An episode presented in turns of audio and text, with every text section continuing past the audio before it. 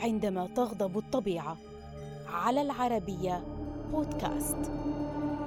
في عام 1984 حذر علماء جيولوجيون من وقوع كارثة كبرى في أمريكا الجنوبية. حدث مهول يهدد سكان كولومبيا.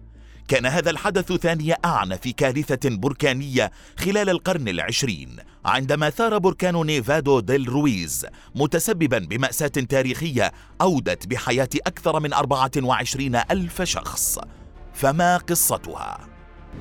في أواخر العام 1984 وقعت ثلاثة زلازل على بعد 30 كيلومترا من قمة نيفادو ديل رويز التي تعد أعلى القمم البركانية في جمهورية كولومبيا. ما عزز من النشاط البركاني بالمنطقة فتشكلت فوهة بركان جديدة داخل الحفرة الرئيسية. في مارس من العام 1985 حذر عالم زلازل زار المنطقة من حدوث انفجار بركاني كبير خصوصا مع استمرار الهزات الزلزالية في محيط الجبل ما أدى إلى إعلان حالة الطوارئ في شهر سبتمبر من العام نفسه. في الثالث عشر من نوفمبر وفي الساعة الثالثة مساء كانت الشرارة الأولى للكارثة الكبرى حيث ثار بركان نيفادو ديل رويز. لكن السلطات لم تتحرك نحو الشروع في الإخلاء لأن الجبل هدأ بعد فترة وجيزة. في الساعة التاسعة مساء ثار البركان مرة أخرى فاهتزت المباني أسفل الجبل وتصاعدت الأدخنة التي انبعثت منها رائحة الكبريت. انعدمت الرؤية بشكل مفاجئ وبدأت الأمطار الغزيرة بالهطول كما توهجت السحب في السماء كما لو كانت مصابيح في وسط الظلام.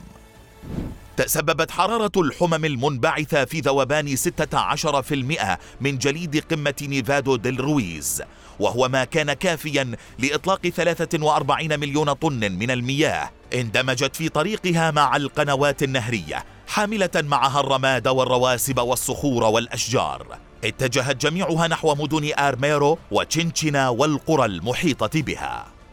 كان من المستحيل على أي شخص عبور الطين اللين دون أن يغوص فيه. كما لم تكن حركة فرق الإنقاذ ومعداتها ممكنة داخل الوحل فتعذر إنقاذ الكثير من الأشخاص المحاصرين. في الساعة الحادية عشرة والنصف مساء وصلت المياه لمدينة آرميرو ودفنتها بعمق يصل لخمسة أمتار من السطح. خلال الساعتين التاليتين تم دفن 85% من المدينة تحت الطين. في غضون أربع ساعات غطت الفيضانات والانهيارات الأرضية مساحات واسعة على بعد 60 ميلا عن قمة البركان. ما أسفر عن مقتل أكثر من 23 ألف شخص وإصابة أكثر من خمسة آلاف شخص وتدمير أكثر من خمسة آلاف منزل. فيما كانت مدينة آرميرو الأكثر تضررا حيث مات ثلاثة أرباع سكانها البالغ عددهم ثمانية وعشرين ألفا وسبعمائة نسمة. على الجانب الغربي من البركان دفن الوحل أحياء تشينشينا المنخفضة وقدر المسؤولون أن ألف شخص ماتوا هناك. قدر عدد الضحايا بأكثر من عشرين ألفا. كان الآلاف منهم قد لقوا حتفهم خلال الساعات الأربع والعشرين التالية بسبب تراجع خدمات الرعاية الصحية. من بين الضحايا برز اسم أومايرا سانشيز الفتاة التي لم تتجاوز الثالثة عشر من عمرها بعد صورة التقطت لها ونصف جسدها عالق تحت الأنقاض. فيما لمعت عيناها الحمراوان.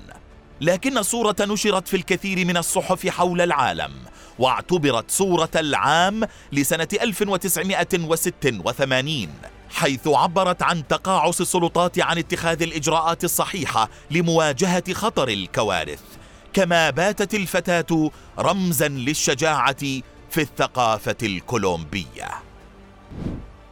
اليوم وبعد أكثر من 37 عاما على الكارثة الكبرى لا يزال بركان نيفادو ديل رويز يمثل تهديدا خطيرا لما يصل إلى نصف مليون شخص في المدن والبلدات والقرى المجاورة.